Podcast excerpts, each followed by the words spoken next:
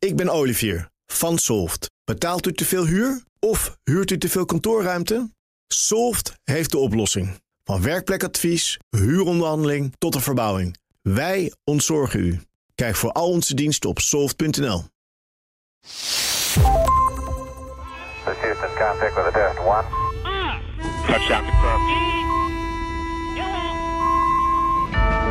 Hartelijk welkom bij Space Cowboys nummer eh, 120 is het, Luc. Zeker weten. verzekerd. Ja, Luc van der Nabelen, hartelijk welkom. Hi. Erik Laan, welkom. Hoi, Ook hartelijk trouwens. Hè? dankjewel. Ja, eh, mijn naam is Herbert Blankenstein en we gaan het eh, het komend uur hebben over het laatste ruimtevaartnieuws. En om te beginnen wou ik jullie maar even vragen, heren, wat eh, is jullie favoriete onderwerp van de dag? Erik. Eh, een paar onderwerpen. Ja, JUICE, de missie naar Jupiter. Daar is wat nieuws over. De Europese Robotic Arm, daar is nieuws over. En over de Chinese ruimtevaart. Maar ik weet, Luc heeft daar ook een aantal Ja. punten over. ja precies, inderdaad. Verklap Da- iets. Daarna, daarnaast, eh, eh, ja, vorige aflevering hebben we al kort teruggekeken op eh, eh, de eerste lancering van Starship. Weten nu wat, eh, wat meer, toch nog eventjes de laatste details. Over alle doornemen. beton en zo, dat ons ja, ja, ja, precies, inderdaad. En dat soort zaken. Oké, dat is mooi. Ehm, ik heb ook het nodige. En eh, om, om een tipje van de sluier op te lichten. eh, we- ik wil het graag hebben over een mogelijke missie naar Uranus. Naar waterige maantjes die je daar ook schijnt te hebben. En over wat we nou eigenlijk moeten gaan doen met New Horizons. Oh, Oké, ik zag iets langskomen. ik heb alleen een headline daar, zijn, ja, daar wordt een beetje ruzie over gemaakt. eh, Oh. Door NASA en door het team. Dat is jammer. Oké, dat is eh, jammer, maar ook wel weer entertainment. Precies. Beetje so Nou. eh, sopig blijven. ja, moet een beetje sober blijven. Je krijgt er toch een podcast mee vol. Dat is eh, wel weer lekker. Ja, dat is eh, ons voornaamste doel. Eh, Erik, jij mag eerst. Eh, dan begin ik met JUICE. Dat is een missie van de European Space Agency. ESA die heeft een heel mooie spacecraft richting Jupiter gelanceerd... om daar onderzoek te gaan doen. Ja. Ongeveer een maandje geleden.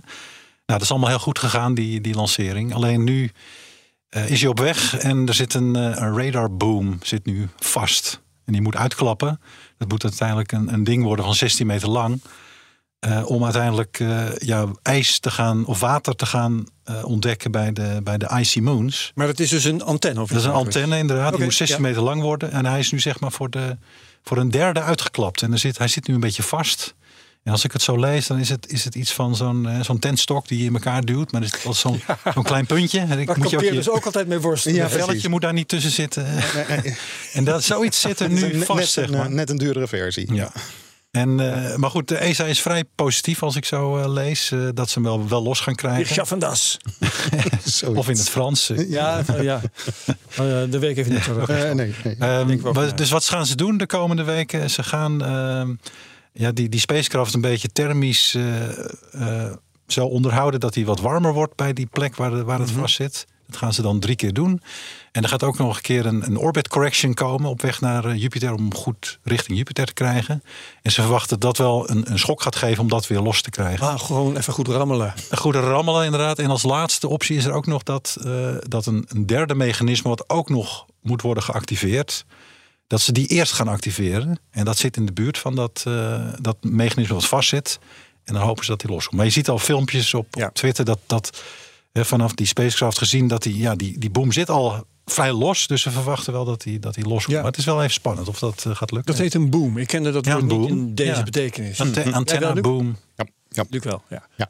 Oké. Ehm, zeg, en, en ehm, is er ook een oorzaak te noemen voor het feit dat dat ding nu vastzit? Want eh, dat wordt toch altijd uit en Ja, dat wordt uit de getest. Ja, dat, dat, is- dat is de, de, de, de, grote vraag hoe dat, hoe dat komt. Ja, het blijft een mechanisme. Dus eh, Ja. Daar kan, daar kan, daar kan van alles, alles misgaan. Maar ja, we hebben natuurlijk met James Webb Space Telescope gezien dat er heel veel goed ging. Zo, nou. En dat moest ook allemaal goed gaan. Maar ja, dit is er, dit is er eentje, ja, die is niet, niet goed gegaan. Dat kleine, kleine puntje wat nu vast blijft zitten. Ja, ze, hebben het echt, ze denken echt dat het over een millimeter gaat. Hè? Ja, Ja. is fractie blijven hangen, dus- ja, Ja. ja, ja, ja. Maar Alessandro Atzai, die komt, begreep ik uit de vorige podcast, die komt een keer langs. Dat is de, een van de, de, de ingenieurs die aan deze missie werken. Dus die, Ja, die, eh, die kunnen daarover vragen als hij eh, langskomt. Dat, is, dat is een goede. Ja, ik heb altijd de indruk dat dit soort zondes echt van A tot Z wordt ontworpen op die missie. Er is niks standaard. Je hebt niet een standaard boom die op. Nee, die altijd werkt. Precies, inderdaad. Ja, En dat, nee, dat het is het allemaal lastige. one-off. Het is Ja, allemaal uniek, zo uniek lastig. ontworpen. En nou, eh, ja, dus ja. Ja. Goed. Oké, dat is het verhaal. ja, dat is het verhaal. Leuk. Nou, mooi. Dan gaan we naar het volgende. eh, Yes. Luc. Ja, toch nog weer eventjes eh, wat uitgebreider terugkijken op eh, Starship. Eh, nou, het zal de, de meeste luisteraars niet ontgaan zijn eh, dat die voor het eerst is gelanceerd op, eh, op 20 april. En dat het allemaal niet helemaal eh, volgens plan eh, eh, verliep. Ja. Ehm, nou, in de vorige podcast eh, van Space Cowboys is er al eventjes op teruggekeken. En toen was het inderdaad vooral heel erg eh, veel verbazing van... eh oeh, wat was er veel stof, eh, oeh, wat eh, ging er veel mis. En eh, nou ja, in- inmiddels is er wat, eh, wat meer bekend geworden. Ehm, eh, Elon Musk heeft eh, op eh, Twitter Spaces, ja, waar, waar anders... een, eh, een persconferentie-achtig eh, gesprek eh, eh, gehad... waarin wat meer is duidelijk eh, eh, geworden... Maar eigenlijk evenveel vragen, wat mij betreft, onbeantwoord blijven.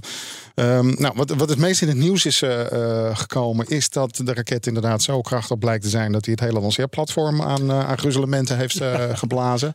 Dat heeft er dan weer mee te maken met hoe dat is opgebouwd. Um, dat er geen. Nou, daar was er voor gewaarschuwd. Was, Ja, nou ja, het, is, het cynische is een beetje dat Musk zelf zegt van nou, wij we bouwen geen flame deflector, een, een een afvuurput, als het, als het ware. Ja, hebben we geen zin in, geen nee, tijd voor. En misschien krijg ik daar wel spijt van. Nou, juist. Ja, dat, dat, zou ook veel te lang duren, want het is een beschermd natuurgebied. Ja, en vlak precies. onder die lanceerplatform is, is, het, is het als grondwater. Dus daar ja. moet je een enorm complex gaan aanleggen. Ja, dat ja precies. Dus dat, dat is het lastige. Um, uh, het suffe is dat ze dus eigenlijk uh, al heel hard aan het werken waren aan de oplossing. Namelijk een, uh, een soort metalen sandwich. Die uh, um, onder um, het lanceerplatform zou worden aangebracht. Mm -hmm. Die dan, zo beschreef Musk het in ieder geval, als een soort omgekeerde douchekop is. Dus een plaat met gaten in de bovenkant. Daar water doorheen spuiten op het moment dat de motoren aangaan. Nou, dat, dat werkt akoestisch goed. Dat koelt de boel. Voert een hele hoop energie af. maar ja, Musk was een beetje, een beetje ongeduldig. En hier en daar in commentaren wordt hem dat nou wel een beetje kwalijk genomen. Want um, potentieel uh, heeft al dat opspattende beton ook schade aan de raket zelf uh, veroorzaakt. Um, ik denk dat het niet ja, onmogelijk is ontploft, dus dat is verder niet zo erg. Nee, maar het was handig geweest als um, um, het lanceerplatform wel klaar zou zijn geweest. niet aan gruzelement was gegaan. Uh, want het is namelijk mogelijk ja. dat de raket misschien wel 100% goed had kunnen functioneren. Ja, want er waren ook een aantal motoren die het niet deden. En dat wordt mogelijk daaraan geweten, hè? Ja, precies. Nou, en dat is nou precies een van die dingen waarop Musk geen antwoord heeft uh, gegeven in die, uh, in, in die talk. Dat is dus wel heel, heel, erg jammer. Hij heeft inderdaad beschreven dat er drie motoren al voor de uh, uh, lancering als het ware werden afgekeurd. Niet meededen met, met het opstijgen. Oh, dus dat was um, van tevoren bekend? Ja, precies. Ja. Um, um, nou goed, er is contact met elke motor afzonderlijk. Zitten er 33 in die eerste ja. trap. Dus het is flink veel communicatie. Ja. maar het, het betekende dus dat hij ja, met, met eigenlijk 10% minder stuwkracht al omhoog ging. Daardoor was hij ook langzamer. Daardoor hebben de vlammen langer op het beton, et cetera, et cetera. Ja, ja. Dan kom, okay, ja. um, nou ja, je, je, ziet op de beelden dat er na 30 seconden wat onderdelen afvliegen. Uh, na 32 seconden explodeert er iets. Uh, dat lijkt het uh, hydraulische systeem te zijn waarmee de binnenste motoren werden bestuurd. Om, zodat ze een beetje heen en weer kunnen zwaaien om de hele raket te kunnen sturen. Um, het lijkt er trouwens ook op dat hetzelfde hydraulische systeem zorgt voor het scheiden van de eerste en de tweede Ook dat is niet gebeurd. Uh, nou, potentieel is dat dus allemaal terug te voeren op de schade van uh, ja. die, die, dat rondspetterende ja, ja. beton. Nou, na 40, na 60 en dan 100 seconden uh, zijn er nog eens een keer motoren uitgevallen. Um, zoals gezegd, die scheiding van de eerste en de tweede trap um, kwam niet tot stand. Daarna ging de standregeling verkeerd, begon, begon het hele tollen, toestel te tollen. Um, opmerkelijk is wel dat die eerste en de tweede trap, ondanks dat, dat geweld van het rondtollen, netjes netjes aan elkaar bleven, eh, bleven zitten. Terwijl dat niet de bedoeling was. Eh, nee, precies. Ehm, en vervolgens werd, eh, omdat er zo ontzettend van de baan werd afgeweken, heeft het automatische flight termination system, dus ja, zeg maar noodexplosie om de boel aan stukken te blazen, ehm, heeft wel gewerkt. Maar had pas na 40 seconden effect. Dus het, het lijkt erop dat eh, die, eh, de explosieven die dan aan de buitenkant van zo'n raket eh, zitten, niet krachtig genoeg waren om hem inderdaad helemaal in stukken te scheuren. Het lijkt erop, dat zie je ook een beetje op de beelden, dat er een paar gaten ontstaan. En pas op het moment dat er brandstof begint in de atmosfeer te komen en ergens een vonk vindt, is de boel geëxplodeerd. Dus iemand drukt op de knop en toen duurde het nog 40 seconden voordat. Ja, nou ja, de, raket heeft op zijn eigen knop gedrukt. Want dat, is, dat zijn allemaal automatische Ah, systemen waar ah. Helemaal niemand meer eh, eh, bij Oké, eh, Geen bij komt. dodemansknop. Nee, nee, precies. Dat, Nee. dat gaat allemaal vanzelf. Ehm, nou ja, het, ehm, het, het, het, het lastige is dus dat er veel schade aan het lanceerplatform is. Als je daar inderdaad naar kijkt, je ziet gewoon de, het geraamte van het beton wat er heeft gezeten. Dat zit er nog. Een enorme diepe put. Ehm, desondanks zegt Elon Musk, "Hmm, nou, twee, drie maanden, dan eh, lanceren Ja. we de volgende. Weet je, hoe het werd of verkeerd, dit is wel trouw aan het principe van trial and error. Hè? Zeker. En, en, en eh, als je het allemaal netjes had gedaan, alles van tevoren had, had geregeld, dan had je nooit geweten of dat nodig was. Nu weet je wel dat het nodig is. Dat is ook weer toch leren. Ja, precies. Eh, En het, en het is een je beetje de manier ja, waarop eh, SpaceX het altijd heeft, heeft gedaan. Die hebben in, in idiote frequentie af en toe ook hun Starships gelanceerd. Twee jaar geleden. Er ging er elke maand wel, wel eentje. Nou, en iedere keer werd er gezi- gezien van... oké, dit kan beter, dat schroefje, die procedure passen we aan. En we doen het gewoon nog een keer. Nou ja. Ja. Ja. Ehm, Maar eh, op zich, ik, ik ben ook een groot SpaceX-fan. En ik hoop zeker dat Starship eh, ja, snel, eh, snel weer omhoog gaat. Maar ze hebben toch wel ergens de bocht eh, wel een beetje afge, te krap, eh, te krap eh, genomen. Want Ja. bijvoorbeeld, eh, als je kijkt nu dat de FAA, hè, die moet dan toestemming geven van... u krijgt een lanceervergunning. Ja, bedoel, die had ook al kunnen zeggen van ja, we gaan niet lanceren. Want stel, je, je, je- hebt geen flame eh, diverter. Wat, wat gaat er gebeuren als je al die 33 motoren aanzet? Ja. Ja, dan kun je op je kompen aanvoelen dat, dat daar een dat Ja, daar ellende precies, staat. want, ja, de- En mocht, hè, mocht er een stuk beton inderdaad zo hard die raket ingaan... en je krijgt een explosie... Ja, Ja. dat, dat, dat wil je niet weten. Nou, Dan- dan zeg je dat dus flinke niet alleen SpaceX heeft eh, iets niet helemaal goed gedaan, maar die FAA dus ook. Die, zeker, die heeft, Ja. die heeft dat toch wel nagelaten. En die zijn nu ook voor de rechter gedaagd door een aantal milieugroeperingen. Oh ja. Ja, ja. Die zeggen van ja, wat, eh, wat hebben jullie Ja. nou eh, toegelaten zeg maar, Nou ja. met deze lancering? Dat is, is weer een klein beetje eh, discutabel. Eh, ehm, aan de ene kant is het dus wel zo dat er mensen in een, eh, in een dorp vijf kilometer verderop zo ongeveer zijn gezandstraald. Straten lagen onder het zand en rommel. Ehm, maar het lijkt erop dat dat inderdaad alleen maar zand en rommel is. Geen verontreinigende eh, spullen. Eh, Raket vliegt op methaan. Ja, de verbranding geeft eh, vrij onschuldige gassen. Ja. Dus daar zit het niet zo, zo erg in. Ja. Ehm, Maar kijk, de, wat, wat het verschil is met. Als je kijkt naar die, die, die, die vergunning die ze hebben, zeg maar, om een Boca Chica zeg maar, te, gaan, te gaan lanceren. Daar is grond zeg maar, voor iets van 20 hectare van SpaceX in dat natuurgebied. En als je het vergelijkt met Kennedy Space Center, hebben ze bijna 200 hectare om Falcon 9 lanceringen te doen. Ja. En ze hebben oorspronkelijk Boca Chica bedoeld van nou, daar gaan we Falcon 9 testdingen doen. Dan gaan we allerlei testen uitvoeren. Niet als zijnde van hier gaan we die grote Starship lanceren. Dus ze hebben ergens in de, in de, in de, in de, afgelopen jaren wel die sprong genomen. Nou, we gaan dat gewoon doen hier. Ja. Terwijl ja, eigenlijk is die site daar veel te klein voor. Ja, ja En- nou ja, het is. dat, dat, ehm, als, je, als je inderdaad ook kijkt naar al de, eh, de brandstoftanks eh, eh, om de raket te vullen, die, die staan echt nou, op 100, 150 Ja. meter afstand, hooguit. Eh, nou ja, er zijn een aantal Van de auto's weg die. of van de natuur? ehm, de van, het lanceerplatform. Hoeveel? Ja. Oh, oh, oh. oh Eh, ja. Nou ja, daarvan heeft Musk gezegd, ja, van, die gingen we toch al eh, gingen we toch vervangen. Eh, want die stonden rechtop. Dat is ook niet zo handig, want dan vang je wel een hele hoop rommel. Dus er, ko- er komen nu hotdog tanks, zoals ze worden genoemd, die liggen. Die zijn wat, wat platter. Ehm, maar goed, dat hele geintje, al eh, ondanks het feit dat er als een gek wordt gewerkt op het lanceerplatform. Het staat alweer helemaal in de stijgers. eh, eh, metalen constructie is alweer recht gebogen. Eh, ehm, het gaat echt in, in gigantisch hoog tempo. Je hoort het Ehm, alweer hameren, hè, bij wijze van spreken. ja, ja, precies. Dat gaat continu door. Maar het zou mij inderdaad niks verbazen als de kwestie rondom de eh FAA, die natuurlijk zelf ook een, een mishap investigation heeft, heeft opgestart, de Ja. boel nog wel eens wat langer zou kunnen, kunnen vertragen. Ja. Het punt is natuurlijk ook wel dat dit een, een, een, een, een domino-effect heeft op de bouw van de lanceerinstallatie op Kennedy Space Center. Eh, op het terrein van eh, lanceerplatform 39B, eh, waar vandaan nu ook de bemande Falcons en de Falcon Heavy wordt gelanceerd. Ehm, iets van 60 meter da- daarnaast is een lanceertoren voor Starship eh, neergezet. Volgens het huidige ontwerp. Nou, daar moet dus beslist eh, eventjes heftig naar worden gekeken. Want een, eh, een groot ongeluk op 39B wil je niet hebben. Want dan ben je wel heel erg veel lanceercapaciteit kwijt. ja, ja, ja. Dus wat dat betreft, ja, ehm, een raket is één ding. Ehm, Musk zei al van, nou ja, het is voor ons een bonus als die, die eerste lancering niet het lanceerplatform vernietigt. Nou, dat leek op het eerste gezicht niet gebeurd, maar er is toch behoorlijk wat meer schade dan, eh, dan er was verwacht. En eh, in principe jammer. Eh, ik ben heel erg benieuwd, ook eh, eh, eh, PR-matig, hoe eh, FAA en SpaceX dit, eh, dit gaan oplossen. Ja. ja. Nou, Ja, kijk, die, die, die, die investigation van het is een mishap.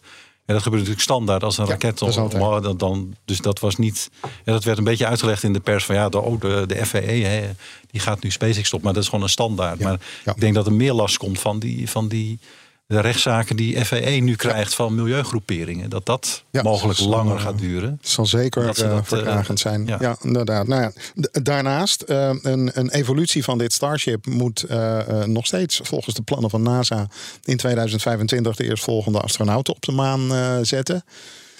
Ik denk dat dat heel erg optimistisch is. En ik, eh, ik acht dan, eh, dan ook zeker de kansen van, eh, van Dynetics, een, een ander bedrijf die al een ontwerp had gemaakt voor een, een alternatieve maanlander.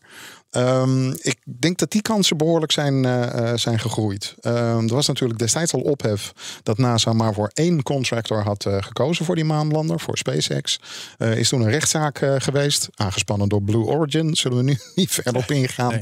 Ehm, maar er, er komt inderdaad een tweede contract. Selectie is, als het goed is, in, in juni al. En ik denk dan dat Dynetics die gaat, gaat pakken. En ik durf er wel wat om te verwedden dat die lander de eerste NASA-astronaut op de maan gaat zetten. En niet Sp- eh, Starship. en oké. Ah, nou, Ja, die, die wetenschap wil ik nog. Ik denk dat. Oké, dat, eh, als jullie dat straks even regelen, wil ik wel getuige van zijn, maar dat eh, hoeven we niet voor het front van alle luisteraars te doen. Precies. Ehm, moet je horen, eh, ik geef de beurt aan mezelf. En ik wil eigenlijk, ik heb drie onderwerpen van binnen naar buiten in het eh, zonnestelsel werken. Oh, En dan begin ik met iets wat ik net niet genoemd heb. En dat is namelijk de nieuwe missie van de Verenigde Arabische Emiraten. Die eh, op dit moment al gaan over een Marsmissie. Die in 2021 een baan om Mars heeft bereikt. En eh, nu bezig is daar de atmosfeer te onderzoeken en het weer en zo. Maar hun volgende missie is al een tijdje geleden aangekondigd. Dat is Deep Space. En die gaat naar de asteroïdengordel.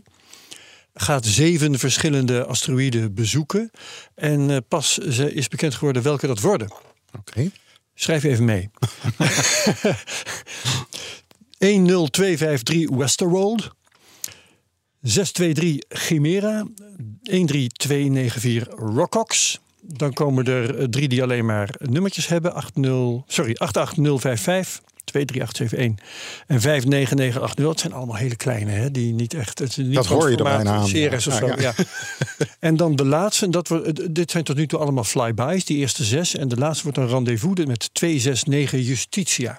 Oké, nou ik heb het idee alsof ik naar eh, geheime berichten van de Russen in de jaren zeventig zit, eh, zit te luisteren. Maar Kan dat niet met leg- een, een. QR-code? Ja, precies. Ja, nee, ehm, nou ja, leg uit. Eh, dat zijn dus eh, een aantal flybys. eh, ehm, die dingen. Ook Justitia is fairly large, wordt hier gezegd. In, in was het nou Ars Technica? Ik weet niet eens meer. Maar, of Space.com of zo. Die is 53 kilometer groot. Daar heb je wat aan Terwijl, eh, te observeren. Ja, Ja, Ceres, wat is Ceres ook weer? eh 5000 kilometer of zo? Nee, dat is de grootste aarde. Dat is onzin. Maar in ieder geval, het is, het is eh, voor dit eh, aantal is dat een vrij grote.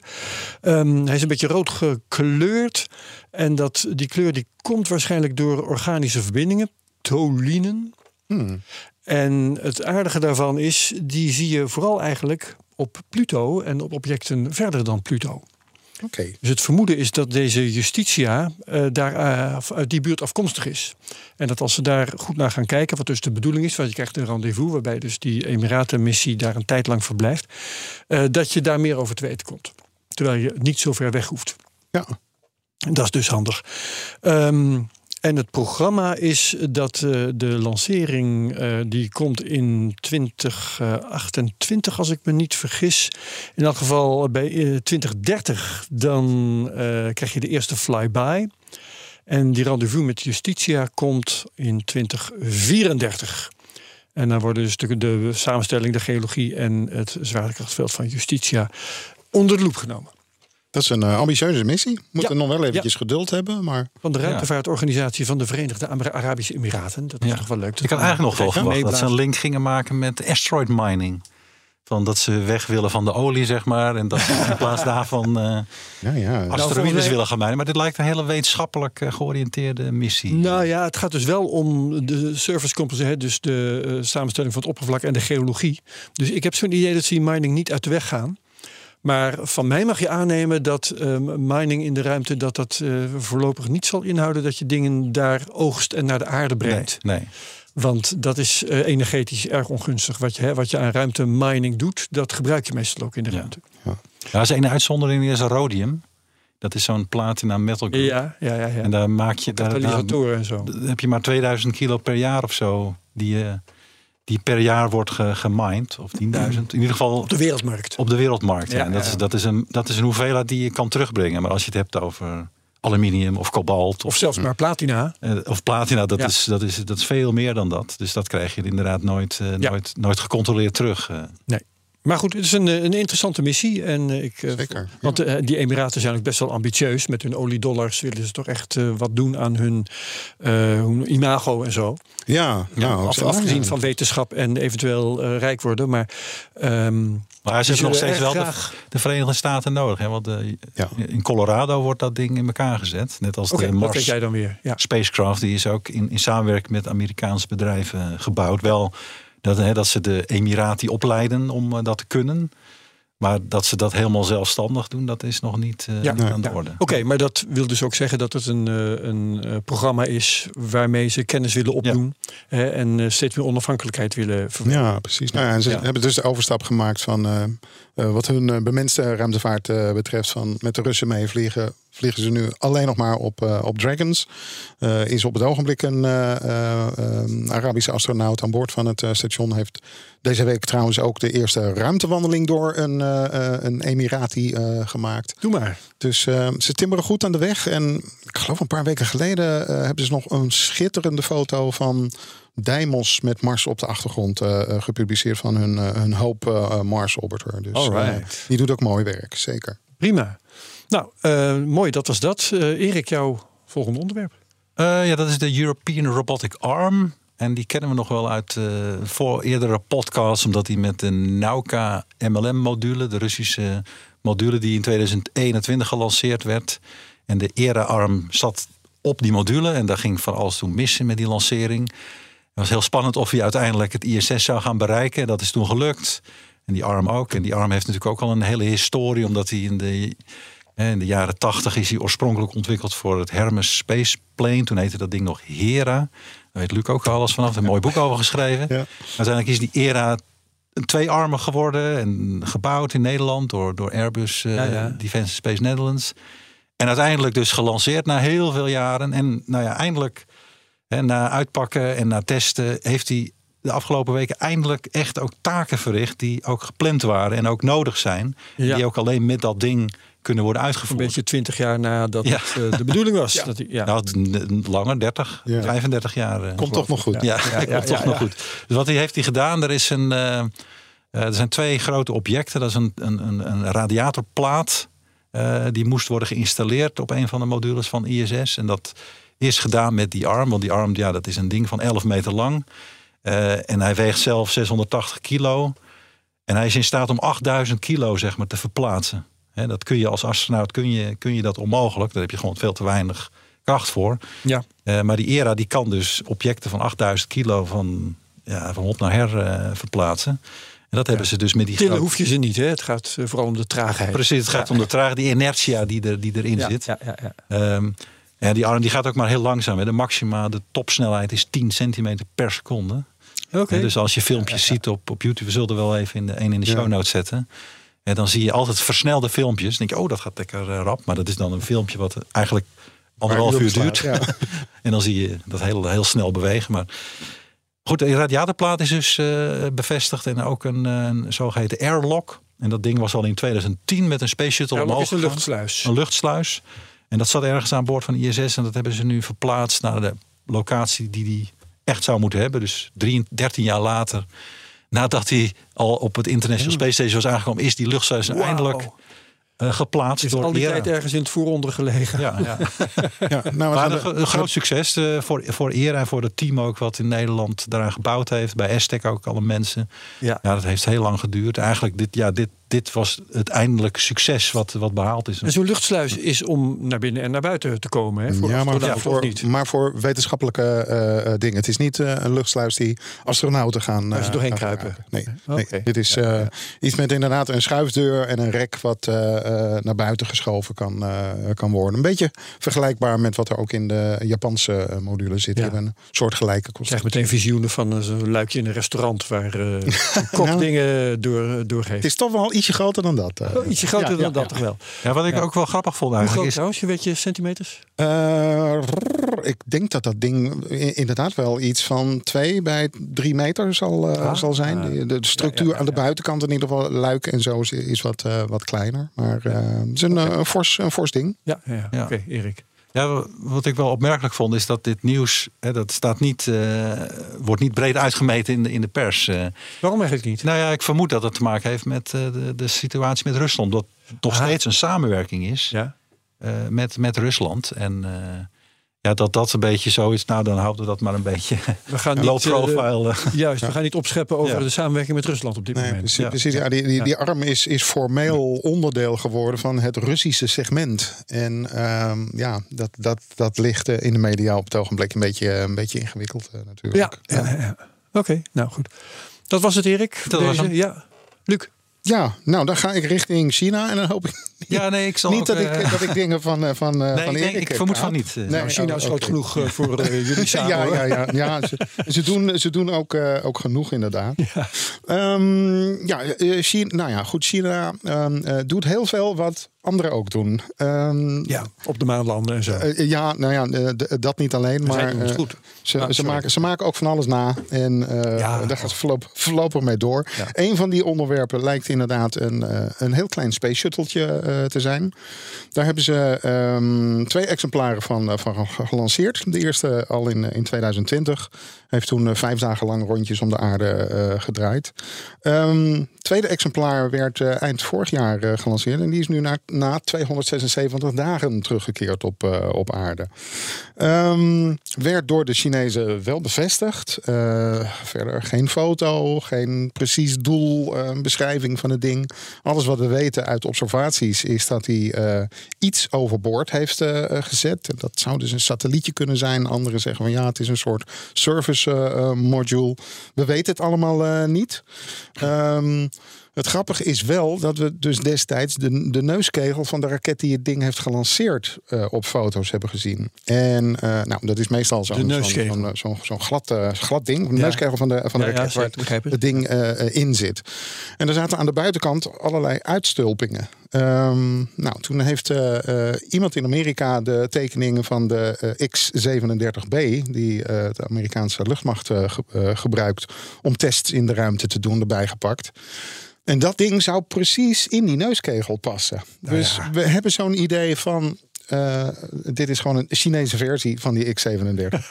Eh, eh, zoals ze het dan met, met, met meer dingen doen. Als je naar hun Al- Alsof je ergens een, een doek overheen legt en aan de uitstulpingen in dat Precies. doek kun je... Ja, ja, inderdaad. Zoals ook wel eens gebeurt met... erin nou, er, zijn, er wordt een nieuwe Porsche Ja, dat- onthuld. Maar we zien alleen de... Je kan alleen de, om, Chinezen om- een de omtrek zien. Iets dergelijks, ja. Dus ehm, nou, Chinezen noemen het een grote doorbraak... voor het ontwikkelen van de technologie van herbruikbare ruimteschepen. Ehm, nou ja, er, er gaan al decennia lang eh, verhalen van... eh, ja, zelfs passagiersvervoer met hypersonische eh, shuttles en dat soort zaken. Ehm, het blijft een beetje raadselachtig en, en geheim, omdat ze ja, zo verdraaid weinig, weinig over vertellen. Ehm ander Van die, onderwerp. van die X37B weten we in ieder geval hoe die eruit ziet. Hè? Er zijn Ja, foto's precies. Dat is ook mondjesmaat Ja. gegaan. Wat meer foto's. Eh, er is zelfs een heel kort, eh, kort filmpje waarop je de, de laaddeuren open ziet gaan. Er zijn een paar dingetjes bevestigd van hoe het, er, hoe het eruit ziet. Maar Ja. ja. de vraag die ik altijd heb van is nu die X37 het object van de studies? Of is het alleen maar een middel om experimenten in de ruimte te kunnen eh, doen? Ja, het kan misschien ook alle twee. Geen, geen idee. Ja. Maar Ja. eh, Maar ik weet, Ja. er was één, één foto, meen ik, van de vorige keer dat ze hem gelanceerd hebben en geland hebben. Eh was een foto van eh, een van de Planet-satellieten. Er zijn heel veel van die, van die eh, aardobservatiesatellieten van Planet die de hele wereld zeg maar, in kaart brengen. En die hadden volgens mij een foto gemaakt van de landingsbaan. Dat Kopnuur of zo. Of Lop, Lop, Lop Nor. Lop Eh, Nor. ja. En één keer landingsbaan leeg. En de volgende foto was landingsbaan. Hey, er staat een eh, klein zwart stipje daar aan het eind. ja, dat, dat is hem Eh, waarschijnlijk. Ze, me- ze menen wat, wat resolutie en- Nee, precies. Nou, er is nu ook gezien dat er een, eh, een witte tent eh, op die landingsbouw is, eh, landingsbaan is gebouwd. Waar waarschijnlijk het ding nu in staat om uh, geserviced te, te worden. Dus Ja. ja, ik vermoed dat de Amerikanen al lang en breed een hoge resolutiefoto Oh, van de ding hebben gemaakt. wel. Met een Ja. van een keyhole. eh. ja, nee, eh, er. eh, zeker weten. Ja, inderdaad. Ja, het is aan de ene kant is het wel leuk, hè, die sport van eh, wat voor informatie heb je en hoe melk je dat zoveel mogelijk uit, dat je toch nog wat te weten komt. Aan de andere kant is het natuurlijk wel heel jammer dat het nodig is. Ja, ja, Ja. Nou, goed. Het, is, eh, ja, het allergrootste deel van eh, die Chinese ruimtevaart valt nog steeds gewoon onder eh, ehm, eh, het leger van, van China. Het, is, het, is, het zijn militaire projecten. Wat, wat dus, ook weer je een ongemakkelijk gevoel geeft. Ja, hè? Wat zijn ze er allemaal mee van plan? Ja, ja, want Ja. ook eh, ehm, het, het Chinese ruimtestation, ehm, eh, waar trouwens vandaag nog een, vlak voor deze uitzending een nieuwe vrachtcapsule naartoe is gelanceerd. Eh, al die astronauten zijn gewoon legermensen. Daar heeft nog geen, eh, geen Ja, pure Wat wetenschapper. bij NASA in de jaren 60 en 70 ja, ook gewoon precies. zo was. ja, ja, ja, ze lopen, Dus lopen wat dat betreft ja, een beetje. In de jaren een beetje 70 achter. begon dat minder te worden. Toen kwam er ook wel eens een Ja. geoloog. Maar- Ja, gaat binnenkort veranderen, maar, maar niet te min. Ja. Ehm, ik, ik bewaar mijn tweede China-onderwerpje eh, voor na het China-onderwerp je- van. dan, dan pak ik goed. door. Want we zijn het inderdaad dat China behoorlijk aan de weg aan timmeren is. Nou ja, Maar als je zal dat, ik eerst toch even eentje doen, anders raak ik achter. Ja, of, of, Eh, Herbert, vind je dat- nee, nee, nee, ga- sluit- ga sluit het lekker, heel goed neem ik een slokje water, uitslu- ja. eh, Aansluiten, dan mag jij ook eerst hoor. nou, het- de China. Dus, eh, Het maar- is China. Nou, ja. nee, ik ga gewoon eerst eventjes, dan eh, Precies. kan ik ook nog een ei kwijt. Ehm, dit gaat, want ik zou van binnen naar buiten gaan in Ja, het precies. de Ja, asteroïde. we zijn gewoon Zijn we onder- nu beland. We gaan nu naar eh, eh, Uranus kijken, maar ik leid het in door even iets te vermelden waar eh, Marieke Baan mee kwam eh, in de voorbereiding van deze podcast. Namelijk dat Saturnus nu officieel het aantal van 100 manen heeft overschreden. Zo. Is daarmee ook Jupiter voorbij? Ik heb nooit beter Oh. geweten of Jupiter had meer manen dan Saturnus. Maar Jupiter is eh, blijven steken tot nu toe op, ik geloof, 97. Oké. En Saturnus staat op 117. Wauw. Dus ze hebben in één klap hebben ze er een stuk of twintig aan toegevoegd. En eh, dat is dus nou, een, een, een leuk feitje. Waar ik het over wilde hebben is, ja, er zijn eh, allerlei missies geweest die eh, de waterige manen van, van Jupiter en Saturnus hebben onderzocht en gaan onderzoeken. Nou, Juice hebben we het net ook al over gehad. Ehm, en de vraag is nu, hoe zit het eigenlijk elders? En nou blijkt het zo te zijn dat Uranus met 27 maanden blaast hij ook een aardig partijtje mee zo langzamerhand. Hè. Toen ik me in sterrenkunde begon te verdiepen in de jaren 60 en 70, toen had Uranus, nou ik weet niet, eh, zes maanden of zo, veel meer was het niet.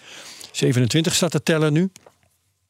Ehm, en eh, ze hebben eh, gegevens bij elkaar gezocht van, van Voyager. Want dat is de enige zonde van de mensheid die Uranus nog een beetje van dichtbij heeft bekeken. En zijn er eh, op uitgekomen dat de grootste, vier van de grootste manen van Uranus, namelijk Ariel, Umbriel, Titania en Oberon, ehm, waarschijnlijk net als Jupiter en Saturnus, eh, sommige van, van eh, hun manen, dus ook waterig zijn op allerlei manieren. Ze hebben ijskorsten en daar dan hoogstwaarschijnlijk ook water, vloeibaar water onder. Dankzij, bij Jupiter en Saturnus is het vaak getijdenwerking, maar in het geval van Uranus is het dan vaak dankzij eh, eh, verval van radioactiviteit. Wat wa- eh, warmte oplevert, dat het ijs een beetje ontdooit. Nou ja, en dat is altijd een indicator voor in elk geval de mogelijkheid van leven. Dus dat maakt het interessant als object van, van onderzoek. En dan heeft, eh, even kijken, de National Academies in de Verenigde Staten ehm, is van plan eh, om eh, eh, Uranus bovenaan de lijst te zetten voor het ontwerp van missies voor de komende tien jaar. Die dan. ehm, Ja, dat is, dat eigenlijk het nieuws, denk ik. Dat is vooral. het- Nou ja, Dat- ja, nou ja, dat het, al- het- het nieuws is tweeledig. Dat ze van de gegevens van Voyager dus hebben achterhaald. Dus voor, voor mij was het in elk geval nieuws. Ik weet niet of het voor jou nieuws is. Dat er dus vier maanden van Uranus zijn die een goede kandidaat zijn wat dat betreft. En volgens mij hebben ze daaruit afgeleid dat ze dan ook maar eens moeten gaan nadenken over missies in die richting. En eh, nou, Ja. eh, zover zijn we nu. Mooi. Goed voornemen. Ja. Mag jij over China gaan eh, Oké, praten nu? ja, terug, naar, terug naar China. Ja. Ehm, nee, wat eh, Luc zei net al, van die Chinese ruimtevaart, die is flink eh, in de bus aan het blazen. En dat, er stond een artikel in het eh, blad van de Nederlands Vereniging voor Ruimtevaart, NVR, eh, van de hand van Henk Smit. En die, die, die volgt die Chinese ruimtevaart. En dan kun je er echt teruglezen, wat ze aan aan tientallen satellieten al hebben hangen, zeg maar, in, in de ruimte. Ja. En eh, met, met grote kwaliteit, zeg maar, de hele aarde aan het zien zijn. Ja, daar, wij zien er niks van, want er zijn geen openbare websites waar we de Chinese beelden kunnen terugvinden. Ehm, maar goed, dat brengt me ook naar een, eh, wat ik las op Twitter. Er is een eh, Amerikaanse amateur-astronoom. Die, de man heet Scott Tilley. En die, eh, die woont ergens midden in de, de middle of nowhere. En die heeft daar een huisje in het bos. En die heeft zijn, eigenlijk zijn hele huis heeft hij eh, allerlei antennes op zijn dak staan om van alles en nog wat te observeren. En hij heeft ook observaties gedaan aan Chinese satellieten. En hij Ja. heeft toen een, eh, bij een hele specifieke frequentie iets gevonden waar normaal nooit wordt gecommuniceerd. En blijkbaar gebruikt China die frequenties. En hij heeft zeg maar allerlei relaties kunnen leggen tussen lage aardbaansatellieten, eh, satellieten in medium orbit en satellieten in geo-orbit. Die, en hij kon dat eigenlijk redelijk volgen, dat, dat er allerlei satellieten met elkaar aan het communiceren waren. Met grote, ja, grote signaalsterktes, zeg maar. En eh, ja, dus dat, dat vond ik op zich wel interessant. Hè? Dat een, Ja. een, een, gewoon een amateur dat kan, eh, kan waarnemen. En heeft hij ook iets over de inhoud van die communicatie? Nee, dat, kunnen- dat is allemaal eh en- Oké. encrypted. Encrypted eh, dus ja, dat, ja, dat, was wel te verwachten. Maar diezelfde man heeft ook, eh, ik meen twee jaar geleden, heeft hij een, met zijn apparatuur eh, heeft hij eh, een, een verloren gewaande satelliet eh, toen teruggevonden. Was in het jaar 2002 of zo, eh, de Image-satelliet. En er is op een gegeven moment contact mee verloren en niemand begreep hoe dat kwam. Eh, en die heeft hij twee jaar geleden eh, weten, weten terug te vinden. Ik ging een beetje, een beetje zoeken wat hij allemaal gedaan had. Er is een hele leuke documentaire, eh, korte documentaire over hoe die, wat hij wat hij gedaan heeft en hoe zijn huis eruit ziet ook. Dat is wel, ja, ik zou dat thuis ook wel willen. En Mijn Je vrouw en een link, kinderen willen dat een niet. link eh. voor ons naar die documentaire. Ik die heb een klein, ja, het is een kleine documentaire, maar het is wel grappig hoe dat, Leuk. wat hij allemaal op zijn dak heeft staan aan, Ja, aan antennes. ja. Dus, maar dat, ja, dat over de, de, de Chinese ruimtevaart, dat dus boven ons hoofd ja, gebeurt een hoop. En ook, hè, er was op een gegeven moment dat nieuws over die Chinese weerballon die eh, boven de Verenigde Ja, Staten is eh, neergehaald. is, is neergehaald, inderdaad. En ja, wat, wat hij daar ook aan heeft eh, ge- eigenlijk heeft gezien, is dat, die, dat waarschijnlijk die weerballon, dus met een bepaalde geostationaire satelliet die- van China die boven Amerika hangt, heeft gecommuniceerd. Aha. Dus, maar ja, dat is een vermoeden. Hè. Het is niet, kan het niet keihard zeg Ja, maar, want uitleggen. precies. Maar ja, dat, dat, dat Want, was... want je kunt eh, communicatie ontvangen die afkomstig is van een weerballon of van een satelliet. Dat is de, je richt ergens op en dat, dat praat. Maar hoe weet je dat zo'n satelliet of zo'n ballon praat met Ja. dat andere object? Ja, nee, kijk, die satellieten, die geosatellieten hebben een hele specifieke footprint. Hè? Het is niet zo dat ze Ja. op, eh, gewoon in de, in de ruimte maar uitzenden. Maar ze, de- Ja. hè, ze hebben heel, vaak heel gerichte gerichte footprints. En hij zat ook in de Verenigde Staten en hij, ja, Ja, diezelfde tijdstippen dat die ballon zeg maar bij, bij wijze van spreken over zijn huis ging, Ja. kon die toen die, die, die satelliet eh, eh, waarnemen. Ja, Tenminste, dat lees ik een beetje uit zijn, uit zijn Ja, verhalen. zeker. Verder kan ik me voorstellen dat je kunt, eh, achter, kunt concluderen dat twee objecten met elkaar praten. Als je vaststelt, de een is aan het woord en dan houdt hij zijn mond en dan is de ander aan het woord. Dan kun je aannemen dat ze met elkaar aan het communiceren zijn. Maar dan moet Ja, maar dat gaat in... in werkt het niet? Nee, dat, dat is continu... eh, hoe heet het ook weer? eh, dual, full duplex. Full duplex, inderdaad. ja. Ja. Dus niet morsen van ik zit over, Nee, nee, nee. over, ik ben nu stil en nu mag jij weer. Oké, jammer. Ja. Goed, dat is het. Dat is hem. Heel leuk, Luc. Nou, laatste eh, hoofdstukje China eh, dan. Ehm, niet, eh, niet alleen rond de aarde zijn ze actief, maar eh, ook op de maan. eh, zijn ze eh, druk bezig en hebben ze grote, grote plannen. Ehm, al eerder eh, hebben we het erover gehad dat eh, eh, China samen met Rusland een plan had om een eh, internationale maanbasis eh, te ontwikkelen. Eh, nou, daar had iedereen gelijk visioenen bij van, eh, van astronauten op het, eh, op het stoffige oppervlak. Ehm, dat is niet direct het eh, Gaat wel geval. Het keer gaat, gebeuren natuurlijk. Het gaat zeker gebeuren. Sterker nog, onlangs heeft een, een, een hoge Chinese ruimtevaartbeambte gezegd dat er geen twijfel mogelijk is over het feit dat er voor 2030 Chinezen op de maan landen. Eh, nou, flink, eh, flink ambitieus. Ehm, ja, het, het past in, eh, in het beeld wat we de laatste jaren van, eh, van ze hebben. Ze ondernemen ontzettend veel, gaat verschrikkelijk veel geld in, in rond. En ze doen, ze doen het snel. Ehm, Opmerkelijk feitje is ook wel dat er eh, een week of wat geleden ehm, plaatjes op internet rondgingen eh, van eh, de laatste incarnatie van de Lange Mars 9 raket. Dat is, nou ja, zeg maar het equivalent van de Saturnus 5. Dat moet de raket worden waarmee Chinezen naar de, de maan gaan vliegen. Die heeft een hele evolutie gekend. Leek in het begin heel erg op SLS. Werd toen, toen iets wat meer op de Saturnus 5 lijkt. De laatste plaatjes zijn één op één een kopie van Starship. Echt tot Wauw. de vorm van de, eh, van de omkapping van de motoren in, eh, in de eerste trap. Het is gewoon Starship, wit geverfd met een Chinese vlag eh, erop. Ik vind het nogal brutaal. Heeft Elon Musk er nog geen grap over gemaakt? Eh, niet dat ik heb, heb meegekregen. eh, Nee, nou, Elon Musk maakt nooit grappen over China, hè, want hij moet daar zijn Tesla's eh, verkopen. kijk, is dat, ook is gelijk weer heel duidelijk? scherp, ja. ja. nou ja, we, we zullen zien wat, eh, eh, wat China gaat doen. Ehm, eh, ja, zij, zeggen nu van ja, die raket gaan we bouwen en de eerste trap wordt 100% eh, herbruikbaar. Ik ben heel benieuwd of ze, het, eh, of ze het voor elkaar gaan krijgen. Maar daarnaast hebben ze dus nu de uitnodiging naar een hele hoop landen. meestal bevriende landen, maar ook expliciet naar geadresseerd aan Amerika en Europa. Om samen inderdaad een, een coördinerend orgaan op te zetten. Om die maanbasis vorm te gaan geven en, en operationeel te laten worden. Ehm, nou ja, de eerste activiteiten zullen zijn de komende eh, eh, zondes die eh, die kant op gaan. De Chang'e 6. Eh, die moet een, eh, een sample return vanaf de achterkant van de maan eh, gaan doen. De nummers eh, 7 en 8 die zullen op de Zuidpool gaan, gaan landen. Dan gaat er ook een klein rovertje rondrijden. Ze gaan experimenten doen met 3D-printen van bouwblokken die dan van maanstof Ja, worden ja, gemaakt.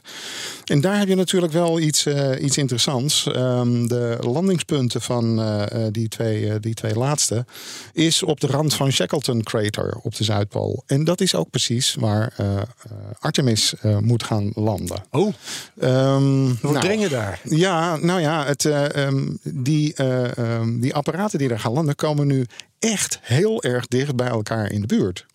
Ehm, nou ja, er is In, destijds. eh, in meters of kilometers? eh, dat zou in, in tientallen kilometers wel eens kunnen, kunnen worden. Oké. Ehm, dus ja, het, je hebt daar die, die Dan ben bijzondere je in je, in omstandigheden. je maanautootje toch nog wel een paar uur onderweg hoor. Dat, dat wel, maar eh, verder met de, de, de, marges die, je- die je hebt als je iets eh, eh, zeker eh, automatisch naar de, de maan stuurt. Ja. Ja, dat wil wel eens een kilometer of wat Ja. afwijken. En je gaat eh, in je radiocommunicatie elkaar ook tegenkomen waarschijnlijk. Ja, precies. Dus dit wordt een eh, een hele interessante. Kijk, er is natuurlijk zoiets als... 2030 eh, hadden ze gezegd volgens mij. voor 2030. eh, eh, dus mm, ja, misschien zijn zij dan wel eerder dan de Amerikanen. En staat er een Chinese vlag als eerste in het, in het. Kijk, dan komen we wel op hele interessante dingen. Er Ja. is destijds afgesproken. De maan Dan, is... dan gaan we foto's eh, verspreid zien worden. Ja, Dus, oh, ja dan, dan, dan, zal- dan zal dat zeker Ja. wel, eh, wel gaan lukken. Eh, ja, het punt is wel, eh, er is ooit afgesproken... de maan is van niemand, CQ iedereen. En eh, Amerikanen hebben vanaf de jaren 60 al gezegd van het feit dat wij daar een, eh, eh, een vlag hebben geplant, betekent niet dat we daar iets claimen. Ja. Maar ja, als het straks gaat eh, in eerste instantie over daar is mijn zonde wetenschappelijk onderzoek eh, eh, Ja, aan het doen. Of mijn kleine fabriekje is daar dingetjes Daar aan het staat maken. ons verblijf. Ja, ja. Dan wordt het toch wel, wel zaak om daar hele goede afspraken over, over te maken. Nou, misschien dat dat consortium waar zij het over hebben om, om de boel te coördineren, ook dat eh, eh, fenomeen een beetje gaat, gaat helpen. Dus op zich een, een gunstige ontwikkeling, vind ik. Ja. En hoe kijk je nou aan tegen die samenwerking met Rusland, met China? Dat, dat ze samen dat willen gaan doen? Want ik heb daar dus weinig uh, verduzie in Ja, ik, eigenlijk. ik, heb, ik heb veel meer een idee dat dit eh eh setdressing en een politieke achtergrond eh, eh, heeft. Kijk, eh, China is, is, is zo China kan het toch gewoon zelf? Precies. Ja. Eh, eh, China kan heel goed, eh, we noemden het al eerder, dingen afkijken, het bouwen en in veel gevallen nog beter doen dan het origineel.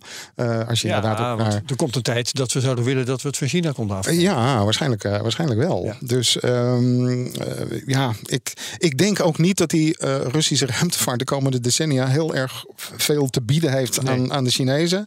Als ze het überhaupt gaan Het is, overleven. het is meer, Eh, want het gaat over politieke motivering, dat China Rusland de gelegenheid geeft om zijn gezicht een beetje te redden. Zoiets is Het zou me niks verbazen als dat er uiteindelijk eh, eh, achter zit. Want als eh, straks de, eh, de samenwerking met Rusland eh, op eh, eh, ISS voorbij is. Ja, dan betekent dat er geen buitenlandse klanten voor Soyuz-vluchten eh, meer zijn. Dan valt er zoveel inkomen weg. Eh Russische economie heeft het eh, eh, moeilijk. Had het al voor de Oekraïne-oorlog. Eh, ja, met al die sancties en zo. eh, ze slaan straks echt geen, eh, geen deuk meer in een pakje boter.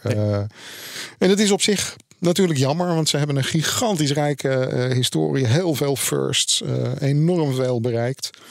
Maar het, eh, ja, het, eh, het be- het begint gewoon helemaal weg, eh, weg te sijpelen. En het, het zal niet lang meer een, een vooraanstaande ruimtevaartmogendheid zijn. Dus ja, en ik vraag me dan af, en ja, dan komen ze een beetje onder de vleugels van de Chinezen terecht. Ja, gaan ze daar nou voor kiezen? Ik kan me ook voorstellen Nou ja, dat... ze hebben misschien niet veel keus meer dan dat zou kunnen. daarvoor te Ja. kiezen. ja, inderdaad. En ja, een soort eh vazalstaat van China te worden, wat dat betreft in Ja, elk geval. Ja, zou zomaar kunnen. Oké. Ehm, dan heb ik nog eh, de taak om mijn computer weer wakker te maken. Ehm, en dan wil ik het hebben over New Horizons. Want eh, New Horizons ehm, ja, vliegt ergens eh, in, in de verte op dit moment. in de, de Kuiperbelt vliegt hij rond. En heeft als laatste een bezoek gebracht. Even kijken of ik dat nog paraat heb.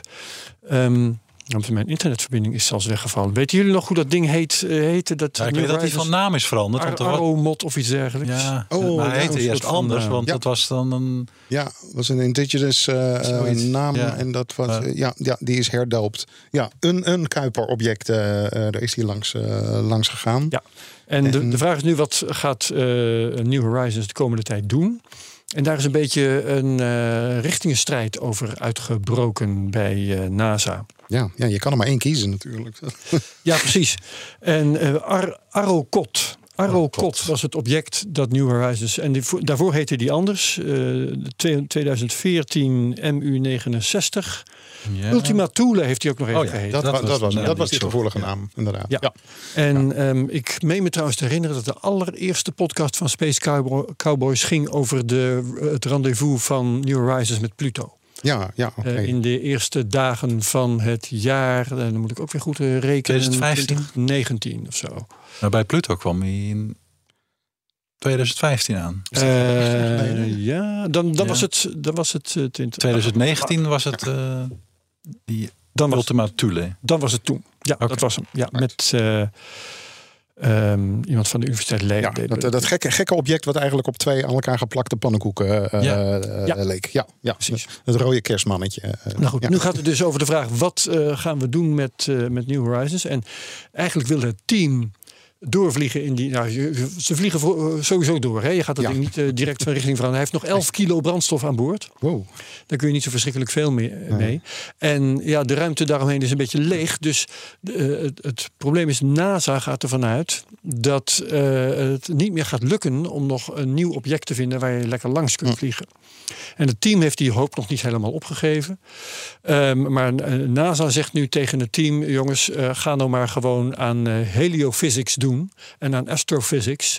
In plaats van naar die objecten te zoeken Ja, die je misschien toch niet eh, gaat bereiken. En daar hebben ze nou een beetje ruzie over. oké. Dat is jammer. Met een tot nu toe onbesliste uitkomst. Maar het punt dat die ruzie er is, dat heeft intussen de pers wel bereikt.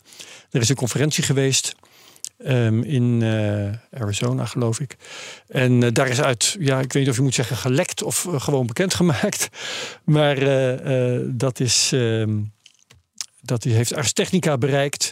Even kijken, Alan Stern is de leider van het team. Eh, die heeft dus eh, te kennen gegeven dat hij eh, zeer verbaasd is over het bes- besluit van NASA om nou maar zich te richten op die heliophysics vanaf 2024. Hè. Tot 2024 kunnen ze doen wat ze aan het doen zijn geweest. Die, die Kuiperbelt bestuderen en zo.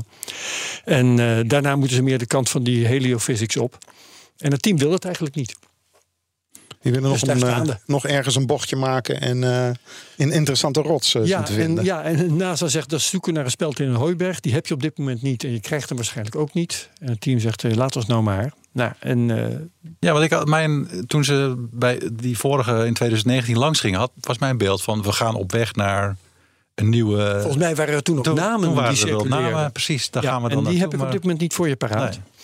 Maar die zijn dus niet meer in, in, in, Nee, in zicht, ook als je zeg op. Dat, eh, Wikipedia kijkt bijvoorbeeld, dan staat er eh, niks van een doel op dit moment vermeld. ja. En ik eh, verneem dus wel dat nou, de laatste manoeuvres hebben de, de voorraad brandstof met zo'n 90% teruggebracht. En er is nog el- 11 kilo over. Daar kun je niet zoveel mee. Dat be- beperkt Ja. heel erg het bereik dat je nog kunt hebben. En de koerswijzigingen die je kunt creëren. Maar op om zich een om, om heliofysica te doen. eh, Ja, dat kan je toch overal doen? ja, dan kun je overal heb je die brandstof niet voor nodig, zou ik denken. Nee, maar dan zou Ja. ik zoiets hebben van, joh, doe een gooi. Eh, misschien kom je nog wat tegen. En die Halo Physics, die kan je even goed eh, eh, Ja. doen. Waar, waar je ook... Kijk, het is niet zo dat je, Je, nu... je hebt toch niks te doen. Nee, dat- en het is ook niet zo dat je met die 11 kilo nog rechtsomkeerd kan maken en weer Nee, dat richting aarde niet. vliegen. Dus eh, Dat zeker niet. Nee. opmerkelijk. Ja. Nou goed, maar daar is dus daar is een ruzie over. En die ruzie die heeft de openbaarheid bereikt. Dat is altijd pikant. Dus ik Ja, dacht, sappig. ik meld, dat hier even. Weer een andere juice. Ja, maar een Juice is er niet. Herbert Blankstein. Ja, dus die, ja, die, eh, eh, het vervolg daarop, dat zullen we natuurlijk melden als we daar meer over vernemen. Hebben jullie verder nog dingen? Ehm, ja, ik heb nog eh, ehm, eh, twee dingetjes over de eh, activiteiten van meneer Branson als het gaat om, eh, om ruimtevaart. Ehm, Soap gesproken. Twee, eh, twee bedrijven heeft hij, eh, Virgin Galactic en Virgin Orbit. Orbit, Eh, ja. nou, van die laatste wisten we dat dat allemaal niet goed ging. En na de laatste mislukte lancering van zo'n raket die onder een verbouwde Boeing 747 wordt gelanceerd, leek het er inderdaad gewoon helemaal op te zitten. Ehm, Maar toch, eh 85% van eh, het personeel is de laan uitgestuurd, maar er zit toch nog altijd 100 man. Die heel erg hard aan het eh, zoeken zijn naar de oorzaak van wat er nou precies is misgegaan. Ja. En tegelijkertijd de volgende raket op een lancering voorbereiden. Nou ja, ehm, Virgin Orbit is officieel failliet verklaard. Ehm, maar er zijn kopers. En eh, ze hebben tot deze week eh, de kans om te, om te En reageren. die kopers heten niet Richard Branson. Eh, eh, nee. Dus dat zou wel een hele ingewikkelde constructie worden.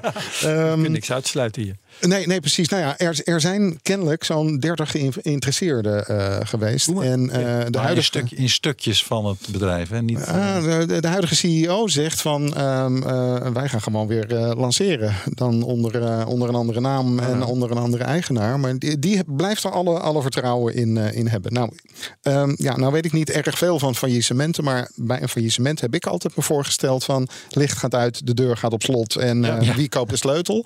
Maar dat er doodgewoon doorgewerkt wordt, dat, ja, ik kan het niet zo goed plaatsen. Want Nee, nee, waar vertaal je die dat- mensen dat-? Precies, op Twitter kun je nog steeds Virgin Orbit volgen. Ja. Maar ze hebben tot 17 april getwitterd. En dat ze inderdaad bezig zijn met die activiteiten die je net ja, zei. ja. Maar Dus al toen is het gestopt. bijna niet meer. Ja. ja. Ja. Oké, nou ja, ik vond dat ook opmerkelijk. Ik denk, ja, jullie zijn toch failliet? Eh, Precies. Ja. Wat ben je aan geen, het doen? geen idee wat, eh, wat Maar aan de andere gaat, eh, kant, gaat als, als je echt ophoudt met werken, dan verliest, verliest het bedrijf ook vrijwel onmiddellijk zijn waarde. Dan Nou gaan mensen weg precies. zo. Ja, Ja, ja, ik, ik vraag me af wat die, die werknemers. Ja, Ja, bedoel, je, je, je moet wel je huur betalen. Ja, je moet wel, precies. Krijg je er nou voor betaald of niet? Maar Geen het idee. hobby, Nee, ja, ja. Misschien dat we daar nog eens achter gaan, eh, gaan komen. Ja, ik kan me wel voorstellen, van, ja, als je nog ergens de mogelijkheid ziet van ik hou de tent eh, draaiend en eh, de volgende eigenaar kan inderdaad op een rijdende Ja, trein eh, doorstarten. springen. Ja, dus nou ja, zal ongetwijfeld binnenkort meer, meer bekend over, over worden. Ja, er was trouwens een, volgens mij een koper. Een Texaanse miljonair. Die wilde 130 miljoen eh, betalen. Maar die heeft zich teruggetrokken. Ja, ja precies. En Daar- was ook iets mee. Ik weet niet precies meer wat. Maar ja, er zijn dat is al een een, beetje een soapverhaal. Ja, er zijn een paar dingen uh, afgeketst. Al voor het faillissement uh, is er met diverse partijen gepraat die allemaal stuk zijn, uh, zijn gelopen. Dus nou ja, dat Ja. wordt vanzelf duidelijk. Ja. Dan hebben we die andere nog, Virgin Galactic. Um, nou, volgens mij zijn ze al zo'n twee decennia bezig met het opzetten van commercieel suborbitaal ruimtetoerisme. Mm -hmm. het, het kleine vliegtuigje, de Spaceship Two. Um, die heeft dus inderdaad één keer de ruimte bereikt, um, twee jaar geleden. Uh, uh, met uh, meneer Branson zelf als belangrijkste passagier. Ja. Die won toen nipt van Jeff Bezos. die, ja. ik geloof, een week later met zijn capsule de ruimte bereikte. Um, maar na die vlucht twee jaar geleden is er niets meer gebeurd daar. Nou, ze hebben nu aangekondigd dat ze eind deze maand een laatste testvlucht doen met twee uh, piloten en vier passagiers, weliswaar werknemers van, uh, uh, van Virgin Galactic. Om um, nog eens te kijken of alles het nu goed doet. Want Ja. er schijnt ook nog weer van alles verbouwd te zijn aan dat Spaceship toe. Als dat goed gaat, zeggen ze, uh, doen ze in juni de eerste commerciële vlucht. Um, nou, er zijn ontzettend veel checks uitgeschreven over de afgelopen twintig jaar van, door mensen die uh, zo'n zo'n tochtje wilden wilde boeken. Onder andere door onze Nederlandse Martin Schreuder, de ex-directeur van, Martin, van Martinair. Ja. Ja. Hij is inmiddels 92, dus ik weet niet of dat, of dat plannetje nog, nog doorgaat. Nou, wacht even, Jeff Bezos had toch ook een hele oude mevrouw meegenomen? Ja, ja eentje die astronautkandidaat En een jonge is, uh, Nederlandse geweest. vent. Ja, inderdaad. Die, die is de jongste mensen in de ruimte geweest. Ik geloof dat die inderdaad 19 of 20 Ja, maar die mevrouw was uh, ook 90 of zo. Uh, nee, die was in Wally, de 80. Wally nog wat of zo. Ja, Wally Funk. Uh, Ja. Maar meneer Shatner, uh, ook wel bekend als uh, Captain Kirk, die is 90. Oh ja. En die heeft ook uh, gevlogen. Die heeft toen nog zo'n lyrisch uh, staan, uh, staan vertellen toen hij weer uh, terug was. Maar Nou. Martin Schreuder zou de alleroudste kunnen worden. Ja, precies. Maar ik heb geen idee of die... Die eh, vlucht haalt. Nee, inderdaad. Dat, eh, ja, ja, je kan ook een vlucht missen door... Ja. Nou ja, laat maar. Ik heb alleen een beeld van Martinair pepermuntjes eh, die je altijd kreeg bij Martinair. Oh ja, ja, precies. oh nou, ja. ja, daar kan je Die natuurlijk weer leuk mee spelen in meenemen. Ja, ja. vliegloos. Het levert weer leuke foto's op. Ja, precies. Ja. Ehm, nou ja, ehm, Virgin Galactic heeft nog steeds gewoon de plannen om er echt een, eh, een volwaardig bedrijf eh, van te maken. Ze zijn bezig eh, met een, eh, ehm, eh, een, een geüpgrade versie van die Spaceship, Spaceship 2, eh, wat zij de Delta-klasse eh, noemen. Eh, die zou vanaf 2026 moeten gaan eh, vliegen. En als zij dan één vlucht per week maken, zou het toestel zich in zes maanden terugverdienen. We zullen, we Mhm. Dat zullen gelooft zien. niemand. Nee, nee, nee, inderdaad. Het is, eh, ik vraag me inderdaad af of die markt niet gewoon hartstikke is opgedroogd in, in de tussentijd. En eer dat zij aan Nou, wekelijkse vluchten toe zijn. Kijk, ja. mensen die mee willen vliegen vind je altijd wel. Ja. Lijkt mij. Maar eh, een, een toestel elke week laten vertrekken, dat is ook NASA nog nooit gelukt. Is ook SpaceX nog nooit gelukt. nee, precies. Dus eh, vergeet Ja, Blue zit- Origin ook nog steeds aan de, aan de grond eh, met hun New Shepard. Ja, ja precies. Daar is nu even, wel laatst bekend van geworden wat de oorzaak van het ongeluk eh, was. Dat was nou, eigenlijk hetzelfde wat er met VK is, eh, is gebeurd. Dat er dus erosie in de, aan, de, aan de binnenkant van de straalpijp heeft gezeten. Ja, is daar wat makkelijker te verklaren, want dat ding had al diverse keren eh, gevlogen. Ehm, is toen ongewild een, een perfecte demonstratie van het ontsnappingssysteem eh, eh, geweest. Het was trouwens een vlucht zonder mensen. Deze hadden ze helemaal ingepland met, eh, met experimenten. Ehm, en ja, zoals met alles, Blue Origin doet daar redelijk geheimzinnig uh, over. Ze hebben nu wel gezegd dat ze deze vlucht gewoon opnieuw gaan, uh, gaan doen. En daarna weer met, met mensen gaan vliegen. Alleen het termijn is, is niet, niet genoemd. Net zoals er voor hun New Glenn raket. We, we, kijken af en toe met fotografen door de deur van de assemblagegebouw. en dan zien we iets schimmigs staan. Dat is alles wat we, wat we tot nu toe weten.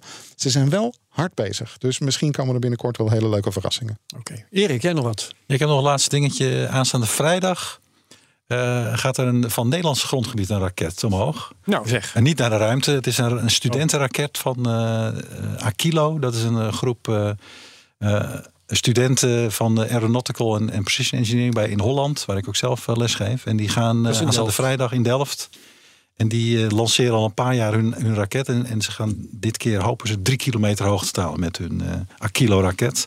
En er is een livestream van. Uh, het begint om tien uur. Dus ik zal de YouTube wel even in de, oh, de show notes zetten. Dan, kunnen, dan hebben we het over 12, 12 mei. Uh, vrijdag, ja, deze ja. vrijdag. Ja, het is al 12 mei. 12, het, is nu, het is nu woensdag 10, dus dat wordt vrijdag 12. Yes. Oké, leuk, dankjewel. Nou, uh, Erik Laan, bedankt voor je bijdrage aan deze Space Cowboys. Luc van der Nabelen, ook bedankt. Jo. Mijn naam is Herbert Blankenstein, is het trouwens nog steeds. Uh, luisteraars, bedankt voor het luisteren. En heel graag tot over 14 dagen bij de volgende Space Cowboys. Dag allemaal.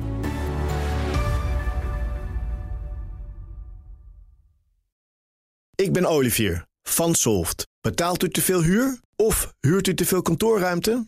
Solft heeft de oplossing. Van werkplekadvies, huuronderhandeling tot de verbouwing. Wij ontzorgen u. Kijk voor al onze diensten op soft.nl.